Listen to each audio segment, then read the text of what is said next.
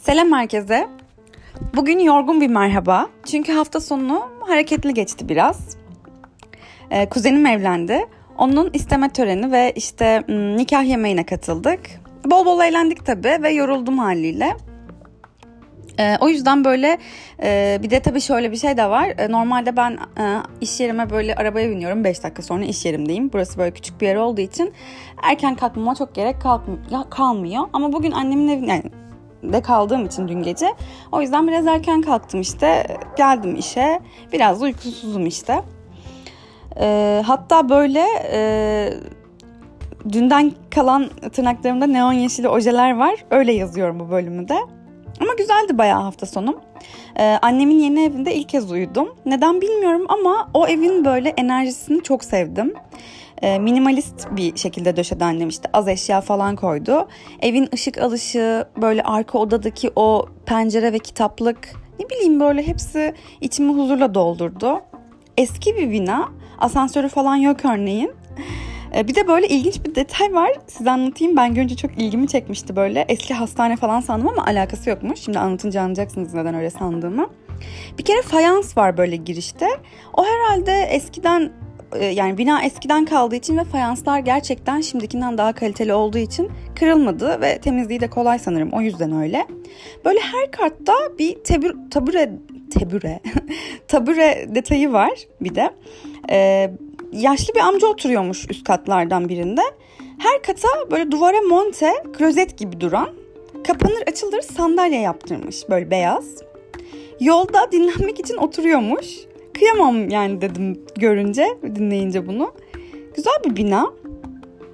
Ha bu arada e, asıl konuya geçmeden önce size bugün bitirdiğim bir kitaptan da bahsetmek istiyorum. Ferzan Özpetek'in Bir Nefes Gibisi Cumartesi günü bakın cumartesi günü Opet'te tesadüfen görüp aldığım bir kitap. Ee, bilmeyenler varsa bu arada Opet'te can yayınlarının birçok kitabı satılıyor. Ben böyle benzin almaya girmiştim bir gün. Gözüme çarptı. O günden beri böyle birkaç kitap aldım oradan. Diyanlara falan hani uğrayamıyorsanız ya da internetten sipariş veremiyorsunuz. Bir de yol, yolda böyle insanın şeyi oluyor ya hani bir duygusu oluyor yol duygusu. O duyguyla kitap almayı ben çok seviyorum. Kendime de söz vermiştim aslında. Elimdeki mevcut kitaplarımı bitirmeden yenisini almayacaktım. Ama dayanamadım. İyi ki de dayanamamışım yalnız almışım. Ee, şu an pazartesi sabahı ve kitap bitti. Bir solukta okudum resmen. Öyle akıcı, o kadar böyle merak uyandırıcı ki spoiler vermeyeceğim merak etmeyin. Ee, yani o kitabı böyle okumam ve annemin yeni evinin ruhunun bütünleşmesi böyle sanki denk geldi iyi geldi bana. Bayağı iyi geldi. Yani neyse öyle. Yani derin bir çektim. Güzeldi. Ee, hafta sonu dediğim gibi kuzenim evlendi ve aslında bugün de e,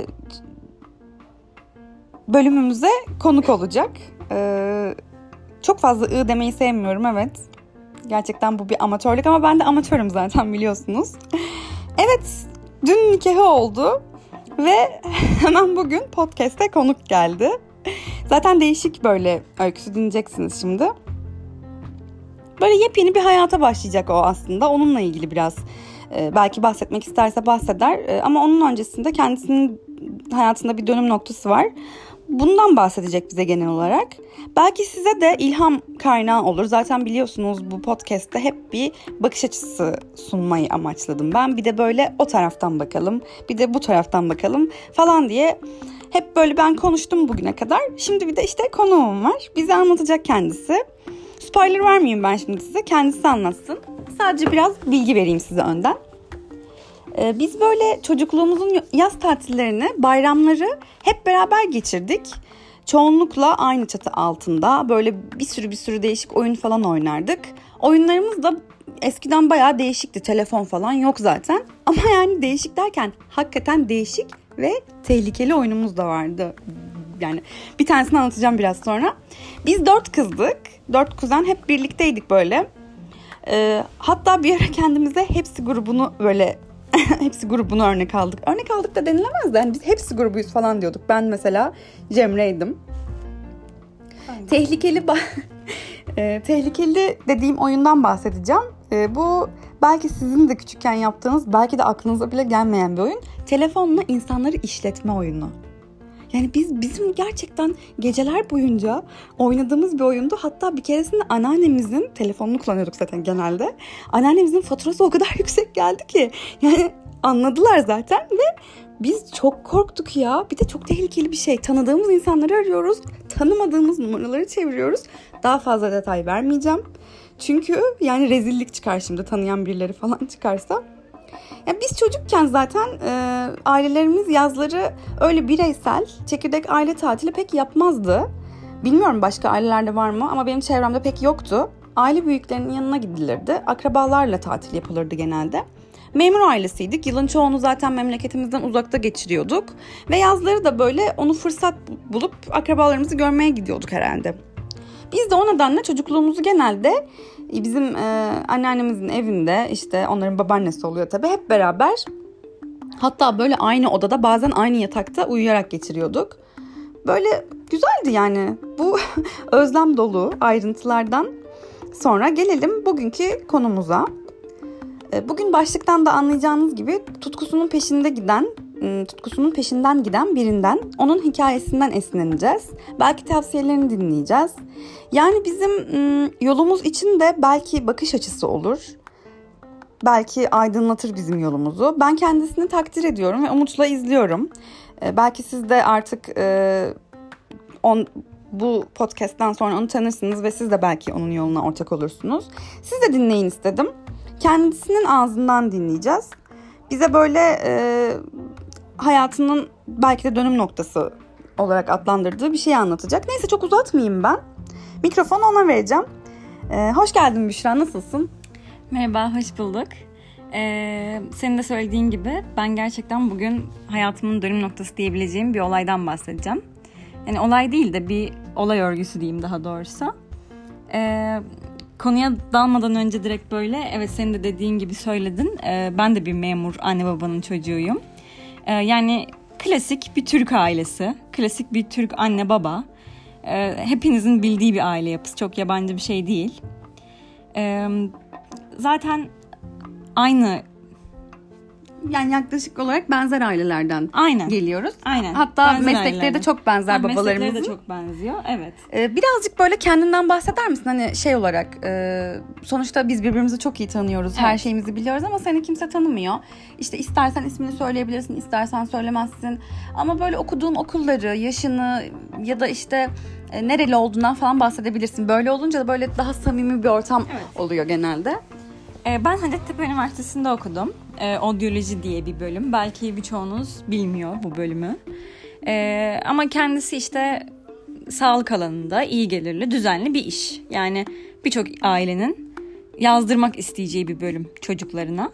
Hani düzenli bir işten kasıtları ne? Ee, gelirsin, giriş saatlerin belli olur, çıkış saatlerin belli olur, maaşın düzenli yatar, tatillerin belli olur. Devlete gir.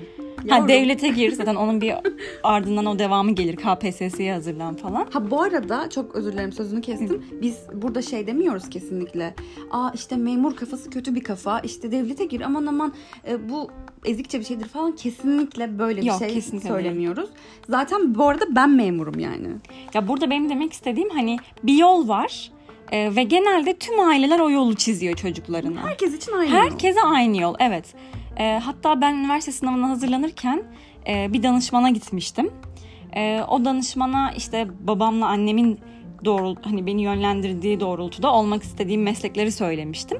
E, o bana çok güzel bir şey söylemişti. Yani sen bu mesleği olmak isti sen bu mesleğe sahip olmak istiyorsun ama hani acaba sen kuş musun, balık mısın, e, kartal mısın, maymun musun? Sen nesin? Sen önce ne olduğunu bulmalısın. Hani sen kartalsın belki uçman gerekiyor.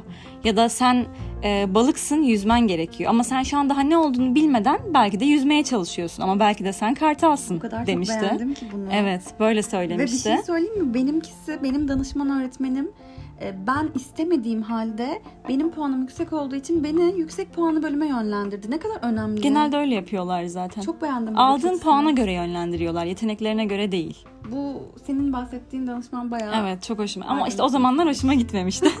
Çünkü o zaman bunun idrakında değilim. Hmm. Hani hep bir yönlendirmeyle gelmişim oraya.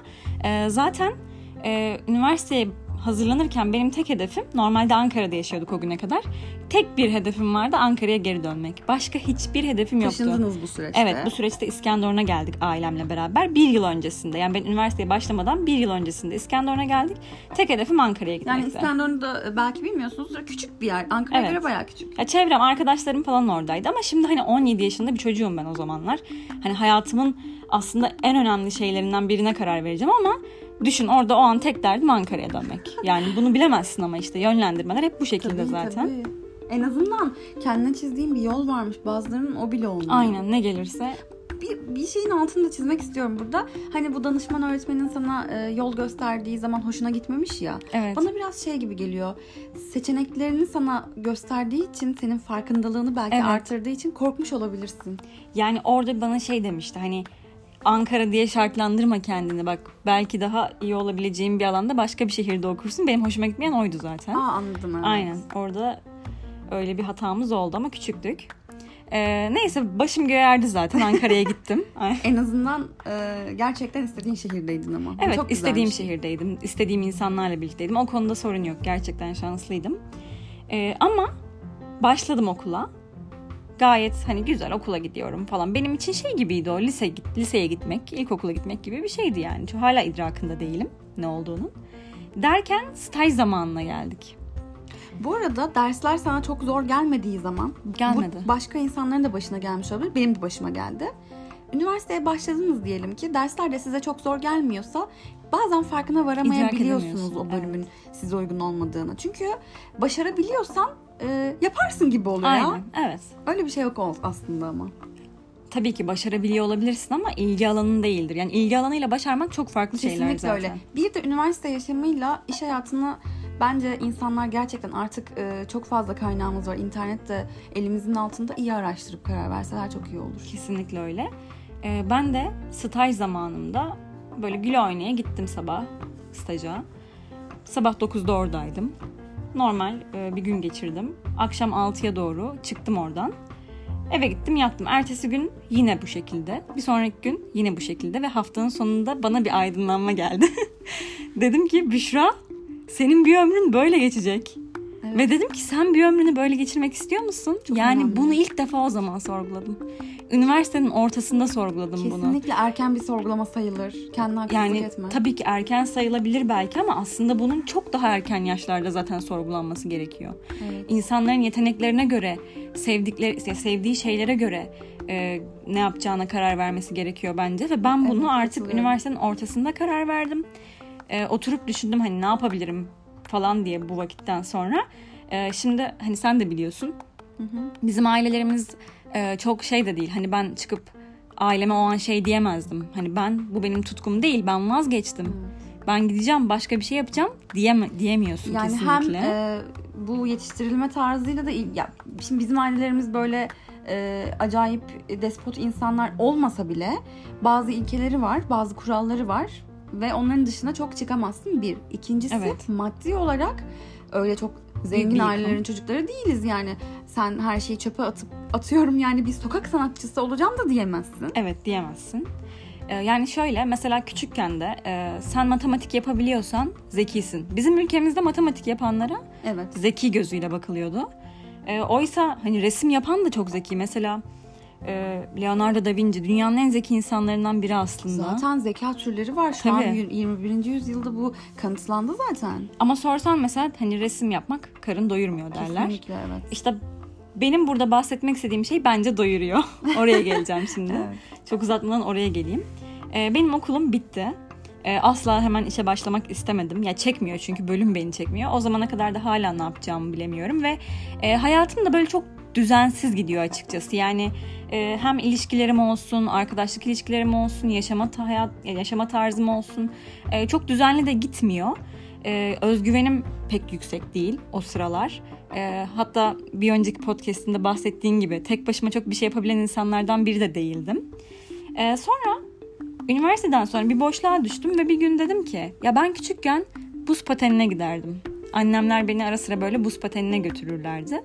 Hatta çok severdim. Onlar da bunu görürdü. Ama hani hiçbir zaman e, bunu beni bir kursa yazdırmak ya da daha profesyonel bir boyuta geçirmek kimsenin aklına gelmemişti. O zaman dedim ki bir buz patenine gideyim ya. Belki küçükken sevdiğim kadar hala seviyorumdur, kayabiliyorumdur. Arkadaşımla beraber gittik. Bir 40 dakika kaydık sanırım. Yani o 40 dakika tüm küçüklüğüm, tüm çocukluğumu yeniden yaşadım.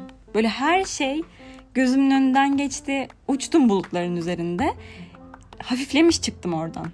Sonra dedim ki ben kesinlikle bununla ilgili bir şey yapmalıyım. Yani bu ister hani bunun sonunda para kazanayım ki para kazanmak hiçbir zaman ilk önceliğim olmadı. Düşünmedim bile yani para kazanabileceğimi düşünmedim bile. E, ben bunu yapmalıyım dedim ömrüm boyunca bir şekilde bir yerlere gelmeliyim. E, ondan sonra tekrar gitmek istedim ama bu sefer gidecek birilerini de bulamadım yanımda. Hani her seferinde arkadaşlarım müsait olmuyor bir de gelmek istemiyor olabilirler. Dedim ki Büşra kalkacaksın oraya gideceksin. Tabii biraz korkuyorum rezil olacağım düşeceğim tek başımayım. Dedim ki gideceksin. Rezil de olsan düşsen de gideceksin. Sonra gittim. O gün e, iki seans kaydım. İkişer, iki tane 40 dakika. Her şeyi unuttum. Hiçbir şeyi görmedim. Düştüm de kalktım da ama hiç umurumda değildi. Yani bir anda farkındalığım arttı benim. O anda kalma olayını ilk defa o zaman yaşadım. Çok güzel. Gerçekten anda kaldım. Muhteşem. Tamamen hatta. o ana odaklandım. Gerçekten Ondan- adeta mükemmel. Evet gerçekten çok. Yani benim için çok güzel dönüm noktam gerçekten bu işte. Ee, ondan sonra ben böyle gidiyorum geliyorum. Bu arada e, orada kurs için birileriyle de konuştum. O kişiler e, bana şey dediler. Yani artık yaşında çok genç değilsin. E, ben böyle birkaç hareket sordum. Hani şunu yapabilir miyim, bunu yapabilir miyim diye. Yani çok yapamazsın dediler. Onların yapamazsın dediği her hareketi bir yıl içerisinde yaptım. Bu arada e, ben burada iki tane şey sormak istiyorum. Böyle hani bazen oluyor ya şunu yapamazsın bunu yapamazsıncılar var. Herkesin çevresinde var. Hatta bunu iyi niyetle yapan ailen falan da olabiliyor Evet. bazen. İşte o yüzden iki şey dedim. Birincisi iyi niyetle söyleyip söyleyenler. Ben bakın daha bu yaşımda anladım bunu. Bence sizden tavsiye istenmedikçe kimseye tavsiye vermeyin. Çünkü o insana yararınız dokunsa bile onun yolunu değiştiriyorsunuz. Evet. Onun öğrenmesi gereken, alması gereken dersi engelliyorsunuz. Evet kesinlikle. İkinci tarafta da bunun kötü niyetli ve gerçekten e, o şeyi senin yapmanı istemeyen insanlar var. E, yani bu ikisini ayırmak biraz zor aslında. Çünkü sizi çok seven insanları da bazen e, sizin bir şeyleri yapmanızı istemeyebilir. Onun da kendince belki sebepleri vardır. O yüzden bana kalırsa sizin içinizden o şeyi yapmak geliyorsa ve gerçekten o güç varsa deneyin ya ne kaybedebilirsiniz ki yani. Kesinlikle bak bu dediklerinin aynısını ben Spiritualistler diye bir kitap okumuştum. Gerçekten orada da gördüm. Hani tavsiye konusunda özellikle istenmedikçe tavsiye vermek aynen bu dediğin şekilde geçiyordu orada. Ee, neyse ki ben onları dinlemedim Allah'tan. Neyse ki. Evet e, ve şansıma yani şans mı diyeyim artık başka bir şey mi? E, ben orada Nazarıcı diye bir kadınla tanıştım. E, kendisini belki bilenler vardır.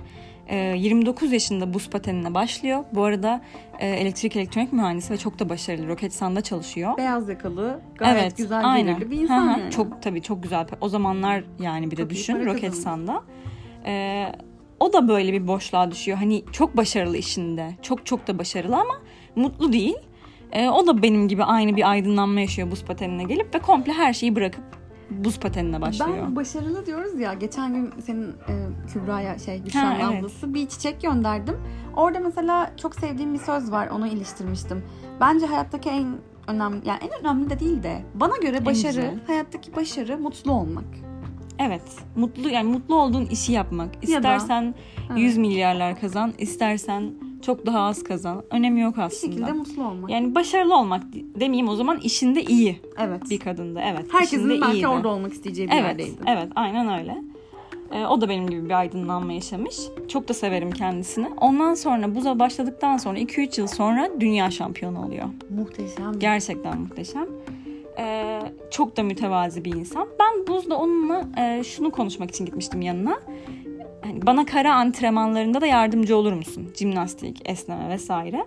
Ee, o da küçük bir grubu olduğunu, onları çalıştırdığını, oraya katılabileceğimi söyledi. Peki sen onu nasıl buldun? Ondan da biraz bahseder misin? Buz pateni camiasına girince zaten araştırmaya başlıyorsun her şeyi. Ee, ilgini çekiyor. Ben birçok şu an profesyonel buz patenciyi çok iyi tanıyorum. Yakından tanıyorum. tanıyorum. Ee, onu da zaten sürekli orada görüyordum. Hı hı. Buz pistinde. Ankara'da Belpa var. Ee, zaten çoğu buz patenci de oraya gider. Ee, orada sürekli görüyordum onu. Ee, ondan sonra cesaretimi toplayıp yanına gittim. Zaten çok yardımsever bir insan. Ee, dediğim gibi gruba katılabileceğimi söyledi. Ee, onunla başladık ama biz artık abla kardeş gibi bir şey olduk yani. Hoca ilişkisinden çıktı bizimki. Ee, ve bir gün dedim ki ona sana Hı hı. çok talep oluyor.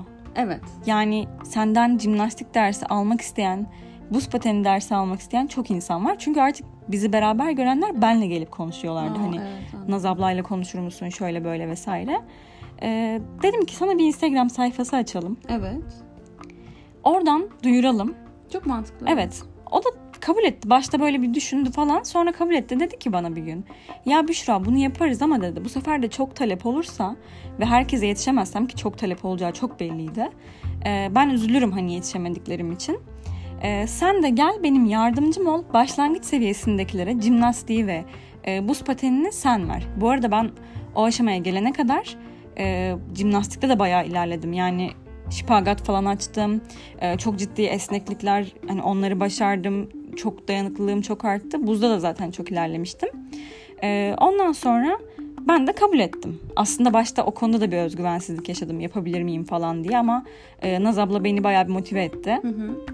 Zaten e, sevdiğin için sana Çok seviyordum hepsi evet. çok Yani şöyle saatlerce antrenman yapıyorduk. O stajda olduğumun belki senin staj zamanlarımın 3-4 katı yoruluyordum. Ama o hiç umurumda değildi. Çok mutluydum. Yani o kadar önemli bir şeyden bahsediyorsun ki aslında. Evet. Dikkatli dinleyin bence burada. Çünkü yorgunluk yine var. Evet Böyle yorgunluk var. Bu şey değil. Yatarak para kazanmak ya da Asla. çalışmadan çok zengin olmaktan asla bahsetmiyoruz. Zaten farkındaysanız zengin olmaktan bahsetmiyoruz. Kesinlikle evet. Para zaten hiçbir zaman ilk hedefim değildi. Ee, ondan sonra biz başladık bu işlere. Ben de mezun olalı bir yıl olmuştu tam. Ben bir iki ay içerisinde e, kendi yapacağım işten çok daha fazla para kazanmaya başladım. E, ama hiçbir zaman tekrar söylüyorum. İlk önceliğim para değildi. Bu tamamen kendiliğinden gerçekleşti. E, çok araştırıyordum. Kendimi geliştirmeye çalışıyordum çünkü seviyordum. Yani kendi işime girsem aslında daha az çalışacağım. Daha düzenli olacak her şey. Ama onu o hiç umurumda değildi zaten. E, bu şekilde devam etti. E, ya ben şimdi tabii burada herkese kendi tutkularının peşinden gitmeyi önereceğim ama bana şey diyenler olabilir. Ya sen hani nazarıcı gibi biriyle tanışmışsın. Sen şanslıymışsın. Bu herkesin başına gelmeyebilir falan. E, ben şöyle düşünüyorum. Ben buz patenine başladıktan sonra hayatımın her alanı değişti. Hayatım düzene girdi. E, ilişkilerim bile değişti. İnsanlarla olan ilişkilerim bile değişti. Çünkü ben anda kaldıkça, farkındalığım arttıkça, pozitif enerji yaymaya başladıkça iyi şeyleri çektiğime inanıyorum. Bu arada burada şeyden de bahset bence birazcık bana bahsetmiştin ya o yüzden söylüyorum hani unutmayalım. Tutkularının yani hayatta insanın bir tutkusu olunca Evet. başka şeylere sarmıyor. Bence buradan biraz bahset. Evet ondan bahsedeyim. O benim yani şu an bu e, size şeyden bahsedeceğim. Benim hayat felsefem. Kesinlikle buna inanıyorum. Aksine de asla inanmıyorum. Beni kimse ikna edemez bu konuda. Biraz dar görüşlü diyebilirsiniz belki. Ama ben e, tutkuları olan insanların bu arada tutku deyince illa buz pateni, işte kaykay, ne bileyim piyano çalmak böyle bir şey değil. Kitap okumak bile olabilir bu. Bunu siz keşfedeceksiniz. E, illa ki her insanın var. Tutkuları olan insanların hayatlarının merkezine kendilerini koyabildiklerini düşünüyorum. Yani o insanların hayatının merkezinde kendileri oluyor. Öbür türlü ya ya bir parasal bir şey, ya bir kişi, hani bir sevgili, belki kocası vesaire, annesi, babası ki onlar da olabilir ama şöyle bir şey var. Hani anne baba olmanın kötü bir yanı mı var diye düşünebilirsiniz. Hani ölümlü dünya. Ne olacağı hiç belli olmuyor. Hayatınızın merkezine kendiniz dışında bir şey koyduğunuz zaman o şey kaybolduğu anda yıkılıyorsunuz. Çok basit bir şey için de olabilir bu. Hani çok daha büyük bir şey için de olabilir ama her türlü yıkılıyorsunuz. Bence tutkusu olması bir insanın hayatının merkezine kendisini koymasını, kendine daha çok saygı duymasını ve özgüvenli olmasını sağlıyor. Misal benim e, önceden hiç yalnız takılamayıp buz patenine başladıktan sonra sadece buza değil her şeye yalnız gitmeye başladım. Yani etkiledi gerçekten özgüvenimi ciddi anlamda yerine getirdi. Ee, evet mesela ben de bir tane örnek vereceğim burada. Eskiden çok eskiden uzun yıllar geçti. Ben de yalnız bir şey yapamıyordum. Ama şimdi atıyorum çok basit bir örnek vereceğim. Bir tane böyle e, resim kitim var benim dosyam. Çant işte çantası falan var. Böyle çıkıyorum dışarı kafa dinlemek için çıkıyorum. Bir süre sonra sıkılabilirim tabii ki. Ama mesela onun yanında taşıyorum. Oturuyorum bir yere açıyorum kitimi. Gördüğüm şeyin resmini yapıyorum. Çünkü onu yaparken andayım ve çok mutluyum yani. O senin meditasyonun. O benim meditasyonum. O benim hani tutku denilebilir. Böyle küçük şeyler de tutku olabilir. O yüzden Tabii ki. e, kendimi koyduğum zaman merkeze yalnız başıma da kalabiliyorum. Hatta bu böyle yalnız kalabilmek değil. Bunu özellikle yapıp bundan çok keyif almaktan bahsediyorum. Evet yani e, o şeyi yaparken gerçekten gözünüz hiçbir şey görmüyorsa, dünya ile bağlantınız kesiliyorsa gerçekten o sizin tutkunuzdur. E, dediğim gibi az önce bu bir kitap okumak bile olabilir. Hani kitap okumayı ben de çok severim ama e, tutkum değil kesinlikle. Hani dünya ile bağlantım kesildiğini çok söyleyemem. Benim bir tek buz pateninde oldu bu. Bir de jimnastikte oldu. E, ve öyle keşfettim zaten. E, ve dediğim gibi hani şanslı ben de bilmiyordum. Başlarken nazarıcıyla tanışacağımı, bu noktaya geleceğimi hiçbir şeyi bilmiyordum. Sadece çok seviyordum ve çok mutluydum. Ben bunu devam ettireceğim dedim. Kesinlikle güzel şeyler hissetmenin, etrafa pozitif enerji yaymanın güzel şeyleri çağırdığını inanıyorum zaten. Hani buna hep inanıyordum. Ee, ve öyle de oldu. Ben hiç beklemediğim şeyler oldu. Yani hiç beklemezken, bunları hiç planlamazken e, önüme çok güzel yollar çıktı. E, ve bu noktaya geldim. Şu anda da çok mutluyum. Bu arada e, böyle çok güzel şeyler oldu. Yeni heyecanları var Büşra'nın. Onları şimdi anlatmayacak galiba değil mi? Ee, şöyle benim nikahlanmam, evlenmem aslında biraz e, farklı bir e, mevzudan dolayı kaynaklanıyor. Onu da başka bir podcast'te yine bahsedeceğiz ondan. Evet aynen. E, zaten sen şimdi bir yolculuk yapacaksın. Evet. Daha sonra uzaktan kayıt yaparız mutlaka hani bununla ilgili. Zaten sen bir önce bir bak Evet, nasıl olacak her şey. Yok şu an zaten bayağı güzel bir aşamadasın ama henüz bence bunu anlatmaya hazır değilsin gibi. Evet biraz tecrübelenmem Tabii, lazım. tabii, evet. Biraz Ee, merak uyandırdık Aynen. Çok da büyük bir söz yani- vermiş olalım şimdi Evet burada. söz vermiş olalım. Ee, şunu söylemek istiyorum ben son olarak. Ee, hani illa tutkularınızı işe dökün demek istemiyorum. Buradan bu sonuç asla çıkmasın.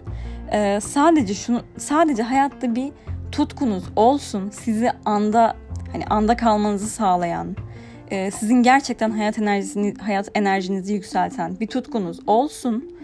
Ee, ondan sonra zaten çok mutlu olacağınız için hani huzurla da olacağınız için diyeyim güzellikleri çekersiniz. Ha, ama bunun yanında da gerçekten sevmediğiniz işi yapmayın. Çünkü hayatı kendinize zehir edersiniz. Tabii. Nefret eder ede yaşanmaz yani. Hepimiz biliyoruz bunu. Aynen öyle. Bu noktada artık böyle pek de bir şey söylemek istemiyorum. Siz bunları bence düşünün.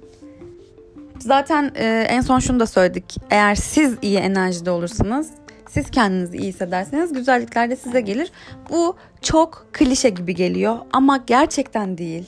Zaten bazı klişeler böyle biz ona klişe dediğimiz için öyle görünüyor. Yoksa bunlar bir klasik böyle hayatımızda var olan aslında bizim sadece orada e, görmemizi bekleyen şeyler, duran şeyler. O yüzden klişe gibi gelmesin çünkü bir kere yaşadığın zaman öyle olmadığını anlıyorsun. Kişisel gelişimcilere böyle hep bok atmak, böyle sallamak falan bizim sanki böyle bir ne bileyim Hobimiz. hobimiz olmuş gerçekten. Ama ben sallamıyorum ya. Ben inanıyorum. Ee, zihnine ektiklerinin meyvesini gerçek hayatta yersin. Ben kesinlikle buna inanıyorum. Ve yaşadım, gördüm. Bu benim hayat felsefem. Size de öneriyorum yani böyle düşünün, pozitif düşünün. Yani çarpıcı bir son. Bence çok da fazla bir şey eklemeye gerek yok. Bir sonraki podcast'te artık e, görüşmek üzere. Siz bunları bir düşünün. Kendinize Herkesi çok öpüyoruz. Görüşürüz. Hoşçakalın. Bay bay.